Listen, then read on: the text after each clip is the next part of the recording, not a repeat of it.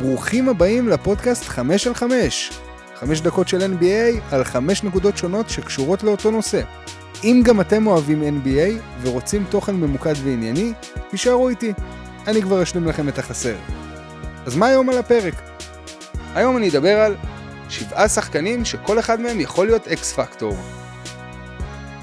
מתחילים.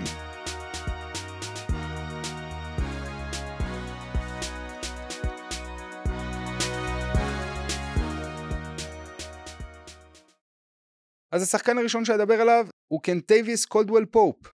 האנרגיה, החשק וההגנה הקשוחה, הכל שם עם KCP. שחקן אליפות מוכח שזכה עם הלייקרס ב-2020 ויודע מה צריך כדי להתעלות בתקופה הזו של השנה. קולדוול פופ מתענג על המבטים הפנויים שהוא מקבל בכל פעם שההגנה שמה יותר מדי דגש על יוקיץ' ומאריי. הקליעה שלו מסוכנת ואסור להשאיר אותו חופשי.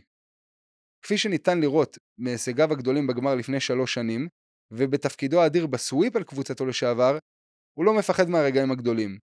ל-KCP היו שני משחקים עם 21 נקודות בגמר המערב, ואם הוא מתחמם, קשה לעצור אותו. מבחינה הגנתית, הוא הגארד הטוב ביותר של דנבר. דנבר עשתה את אחת העסקאות היותר טובות שלה בשנים האחרונות, כשהביאה אותו מהוויזרדס בקיץ שעבר, די בתמורה לכלום, עם כל הכבוד לוויל ברטון ומונטה מוריס. השחקן הבא שאדבר עליו הוא ברוס בראון. בראון הפך לתוספת חשובה לרוטציה ברגע שהגיע מברוקלין בקיץ שעבר. הוא השתלב בחדר ההלבשה, בתרבות וברוטציה כסווינגמן גמיש שלא מפחד מהרגע. זו הסיבה שהנגץ השתמשו בו ברבעים המכריעים של משחקים צמודים. בראון הוא מומחה לטווח בינוני, יעיל, משחק טוב ללא הכדור עם יוקיץ', ובדרך כלל הוא האופציה השלישית בכל פעם שמרי או מייקל פורטר ג'וניור יושבים על הספסל. מדובר גם במגן יציב עם ידיים מהירות, והיה כלי חשוב בהתאמות ההגנתיות בגמר המערב. בנוסף, בניצחון במשחק השני מול פיניקס, הוא קלע 25 נקודות ב-27 דקות. השחקן הבא שאדבר עליו הוא ג'ף גרין. גרין בן ה-36, שחקן יציב שנותן למאמן מייקל מלון שקט מהספסל. כשהוא עולה על המגרש, הוא מספק מנהיגות וניסיון. זו הסיבה שהוא מוכר בשם החיבה שלו על ידי חברי הצוות בעבר ובהווה, אנקל ג'ף, הדוד ג'ף. גרין הוא למעשה הגוף שחוטף את המכות שאסור שיורקיץ' יחטוף. הוא שומר על שחקנים גדולים יותר וחזקים יותר שתוקפים את הסל. מלבד מטלות קשוחות, הוא גם מסוגל לעמוד בפינה ולקלוע שלשות. הסיבה שגרין הוא כזה קשוח בגילו המבוגר, היא ששרד ניתוח לב שכלל שעה של הפסקת הפעילות שלו. כיום לגרין יש צלקת של 6 אינץ' שעוברת בחזה כדי לספר את הסיפור, ולכן אין שום דבר שיכול להפתיע את גרין על הפרקט. השחקן הבא שאדבר עליו הוא דנקן רובינסון. הסיפור שלו הוא ממש קם בקוליוודי. שחקן שלא נבחר בדראפט, זוכה לחוזה גדול, ומקבל ספסל כמעט שתי עונות רק כדי להחיות את עצמו בפלייאוף על ידי חזרה לשורשי הכלייה שלו משלוש. רובינסון היה על הפרקט ברגעים החשובים של גמר המזרח, ומי ראה את זה מגיע? כשהוא נכנס לשפל ירי עמוק, רובינסון הפך לשחקן שאי אפשר לשחק איתו. בעיקר בגלל שהוא לא עושה שום דבר אחר טוב, והיה פגיע במיוחד מבחינה הגנתית. big no no במערך של ספולסטרה.